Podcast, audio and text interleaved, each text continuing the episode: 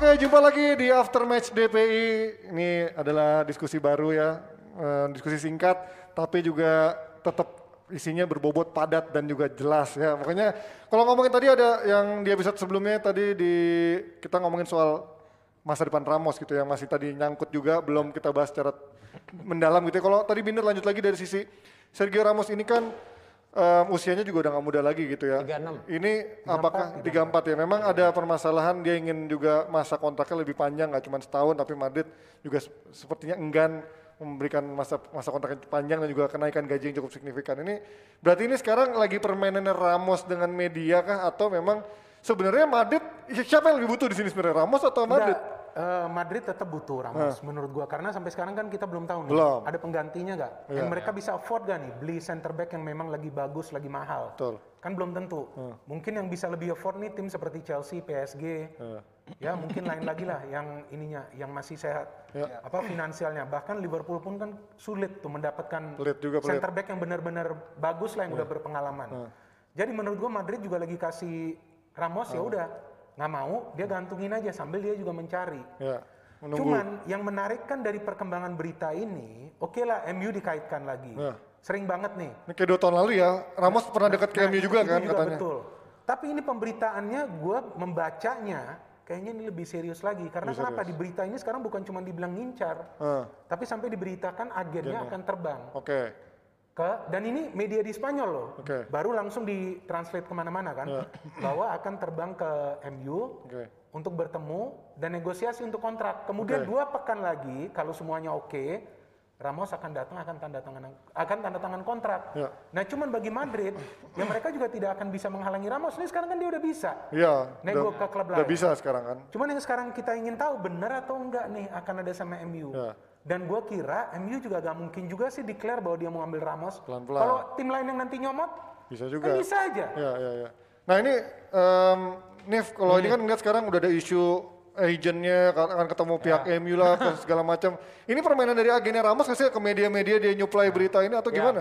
Kalau gue sih ngelihat track record ya, track recordnya Ramos itu udah pernah menggunakan Man United sebagai iya, iya. eh, alat untuk bisa Tools, ya. negosiasi dia perpanjangan kontrak. Betul. Itu diakui sendiri Dua tahun waktu lalu, itu ya. kan dua tahun yang lalu. Sekarang kita lihat Ji, ini menurut gue terstruktur, Hmm. rapi banget gitu, rapi banget timingnya, seeding beritanya Iya. gitu. Menurut gue ini adalah eh, kemampuan dari kubu Ramos untuk bisa mencoba menekan Madrid untuk memberikan perpanjangan kontrak. Betul. Kalau lu lihat nih terstruktur gimana? Pertama, media media yang naikin ada tiga. Ya. Satu ke Inggris, ke Man United. Dua PSG. Ya. Tiga Juventus. Oke. Jadi kan ini tiga-tiganya klub besar gitu ya bang ya. Maksudnya dalam artian klub yang secara ini mampu untuk memang mampu menampung Ramos gitu Ya. kan. Bahkan di PSG itu Neymar nge-tweet nge-tweet eh kalau nggak salah Instagram atau nge-tweet dia bilang maksudnya iya gua welcome buat lu main sama gua bro. Gitu Iya. kan di Paris gitu kan. Yuk gitu. Ini kan benar-benar terstruktur. Jadi menggunakan semua resource-nya dia untuk bisa menekan Madrid memberikan kontrak itu. Oke. tapi sebaliknya gue ngelihat positioning Madrid nih. Lihat positioning Madrid ini dalam dalam kondisi ada ayam nggak ada statement gitu kan dari petinggi klub untuk oh Seperti nggak peduli. seperti nggak peduli Iya, iya. tahu nggak Ji Diamin kenapa? aja, kenapa? Tahu nggak kenapa kayak gitu? Karena musim panas ini ada klausa pembelian eh, buyout klausnya Dayot Upamecano, Upamecano, iya. 38 Murah. juta pound sterling doang. Semua orang akan bersaing untuk itu. Upamecano. Dan Upamecano secara ini sama Varane, ini kan sama-sama eh, French speaker Iya, gitu kan, iya. bisa menjadi duet yang ideal. Iya. Terbukti eh, Upamecano tampil luar biasa di Liga Champions musim lalu, Iya. gitu kan punya fisik yang luar biasa. Menurut gua sampai ini bisa diamankan, ini nggak akan ada statement dari Itu klub. maksud gua. Jadi pasti Madrid juga sudah ada rencana Iya. siapa pemain yang sekarang dia lagi bidik. Tapi yang menarik ini kan soal pemberitaan yang sekarang jadi serius tentang MU. Iya. PSG betul, tapi kan sudah ada uh, berita nggak tahu nih benar atau enggak Iya. bahwa Ramos tidak suka sama supporternya. Cuman gue bingung juga supporternya juga belum tentu hadir kan, Iya di, kan? di, di Iya, dalam iya, stadion kan. Tapi tapi oke lah. Nah Juventus ini yang gue gak ngerti. Masa Juventus mau sih usia 34, dia Iya. masih ada dua back Backnya tua juga. semua dong, Iya. ya kan? Milan mungkin, tapi Iya. dulu. Mungkin awal musim. Tapi sekarang dia udah ambil Tomori, dia mau coba Tomori. Iya. Kalau Tomori oke kan dia ada opsi pembelian. Iya. Nah jadi memang sih sekarang ideal-idealnya MU. memang dia ke MU. Oke. Jadi disusun untuk dia ke MU ini karena sesuai kebutuhan MU juga. Iya. Untuk back senior di belakang, lu perhatikan MU dulu waktu juara. Mana ada back muda yang main di sana? Ya, ya, Semua ya. senior-senior yang udah pengalaman masuk. Tua-tua. Juara, Ronnie Johnson. Palingnya lumayan agak muda Ferdinand lah ya, agak muda cuman Enggak, Ferdinand enggak, tapi dari Leeds. enggak. Technically MU pernah mengambil pembelian seperti Lauren Blanc. Tua banget. Ya, Iya, iya, iya. iya. Lama itu ya iya. maksudnya 35 ya pernah kan? melakukan pernah, melakukan Juara purchase. loh, juara. ya maksudnya pernah Juara. melakukan Iya, pembelian iya, seperti iya. itu. Itu. Gitu. Jadi mungkin aja melihat Mungkin aja. kebutuhannya Iya, iya. karena Harry, Harry Maguire sekarang nggak punya partner yang Iya, permanen di lini pertahanan sampai mendapatkan regenerasi yang bagus, ya ditaruhlah pemain yang udah pasti jadi. Ya kayak Thiago Silva di Chelsea lah, Bang. Betul. Bisa jadi juga. Sekarang lu lihat Chelsea pada saat pelatihnya udah beda, Thiago mainnya bagus. Iya. Iya, iya. Nah tapi ini emang kalau buat MU kelihatannya emang lebih masuk akal ya daripada dia ngejar Upamecano, ngejar back-back lain yang memang harganya mahal dan juga cenderung dia belum tahu nih bisa menjadi partner atau Ini leader kan buat free kan? Ya, gua- iya free. makanya ini kan kayaknya udah opsi yang paling eh, masuk akal buat MU karena dia for free paling gajinya doang yang perlu diurusin. Kita lihat kebutuhan, Ji. Iya. Kalau kebutuhan dari semua tim yang dirumorin, MU paling butuh. Iya, Dalam kan? artian Betul. apa? Kondisi dia harus punya sosok leadership. Leader, gitu butuh kan. leader. Nah, ter- terlepas dari kalau menurut gua secara skill eh, positioning dan lain sebagainya, Harry Maguire bisa lah nge-cover itu. Iya. Tapi buat yang ngedrive, misalnya Luke Shaw bisa step up, Wan Bisaka bisa step up, Itu harus gitu dia, kan. harus Ramos. Harus Ramos, Oke. gitu. Jadi Varane secara juga kenapa bagus? Karena ada Ramos karena ada menurut gue ya. Ramos, Iya, iya. Karena ada Ramosnya. Ramos juga oke di cover sama Varane. Oke, tapi ini kan pemain yang belum pernah ya terlepas dari dia selalu membuktikan sama Madrid di Champions League pun juga bagus. Tapi kalau kita ngomong walaupun berbeda posisinya dulu ada sosok Bastian Schweinsteiger yang juga di Munchen begitu hebat, sosok leader tapi begitu di MU ya udah gitu aja hilang gitu Owen kan. Hargreaves juga sama kan. Oh, Hargreaves lumayan lah, walaupun cedera, tapi cedera mulu kan kalau Hargreaves. Cuman Bastian Schweinsteiger tuh yang tadinya diharapkan bisa menjadi leader begitu besar di Munchen di MU, udah hilang gitu aja. Ramos kira-kira adaptasinya akan PR nggak sih di Inggris? Biasanya sih defender yang senior lebih berhasil ya. Ya, oke. Defender ya. senior Dibanding gelandang ya, oke. Gelandang Perannya itu juga kan beda. Dia harus kerjanya lebih keras lagi. Ya. Konsentrasi dia kan terbagi Oke. ke depan sama ke belakang. Tapi kalau seperti Ramos kan hanya di belakang. Oke. Dia tinggal organize. Dia ini kan untuk organisir permainan. Ya, oke. Di belakang yang kapan-kapan Luke Shaw ini gak turun ke belakang. Kapan-kapan Maguire ini out position. Nah, harus ada pemain senior yang bisa ngatur. Oke. Di Liverpool kan Van Dijk sebenarnya yang bagus. Ya. Van Dijk gak ada, walaupun memang ada pengganti yang lain, tapi kan gak bisa long term. Oke. Nah mereka perlu yang long term. Cuman em, concern gua match fitness lagi nih dari Ramos. Oke. Karena dari eh, pertengahan tahun lalu dia udah sering cedera. Ya, Kalau gue sih Nah ini, ini ini ini salah satu problemnya dan ini sekarang dia cedera lama sampai April kalau nggak salah. Ya. Baru dia bisa turun lagi.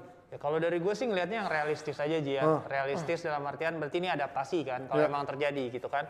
Kita lihat kasus Schweinsteiger sama kasus Ramos dua dua kasus yang berbeda. Ramos ini punya etos kerja yang bagus banget. Ya, ya. Kalau lo lihat di masa off-nya dia selalu latihan dengan keras. Ya. Terus satu lagi masalah Kardio perbedaan nanti kan memang Madrid cuaca lebih panas. Nah. Man United eh sorry di Manchester emang Hujan terus. gloomy gitu Ya. kan salju gitu kalau lo lihat ya gue udah nonton berapa kali video lah Ramos latihan lagi di salju dia bu- ya. justru bugil Ya, gitu ya, kan ya, ya. jadi ini ini ketahuan kuat, secara Ya, ya. fisik nih pemain gitu kan jadi harusnya adaptasinya nggak masalah ada pemain-pemain yang memang secara adaptasi di Manchester nggak bekerja dengan baik contohnya Jerome Boateng dulu awal di ini City gue tahu banget Ya. dia pindah ke sana dia nggak kerasan di kotanya istrinya nggak kerasan di Iya, sana Manchester kan kotanya nggak ini ya. akhirnya request ke board gitu. Nah kalau gue ngelihat dalam artian Ramos, gue nonton juga yang apa eh, dokumenternya di Netflix. Oh, iya, oke. Keluarganya ini cukup eh, apa namanya cukup suportif terhadap terhadap eh, sang Karirnya. pemain. Jadi menurut gue ini relatif harusnya lebih bagus lah itu adaptasinya. Nah tapi kalau ngomongin soal em, Ramos sendiri kan ini kita ngelihat dia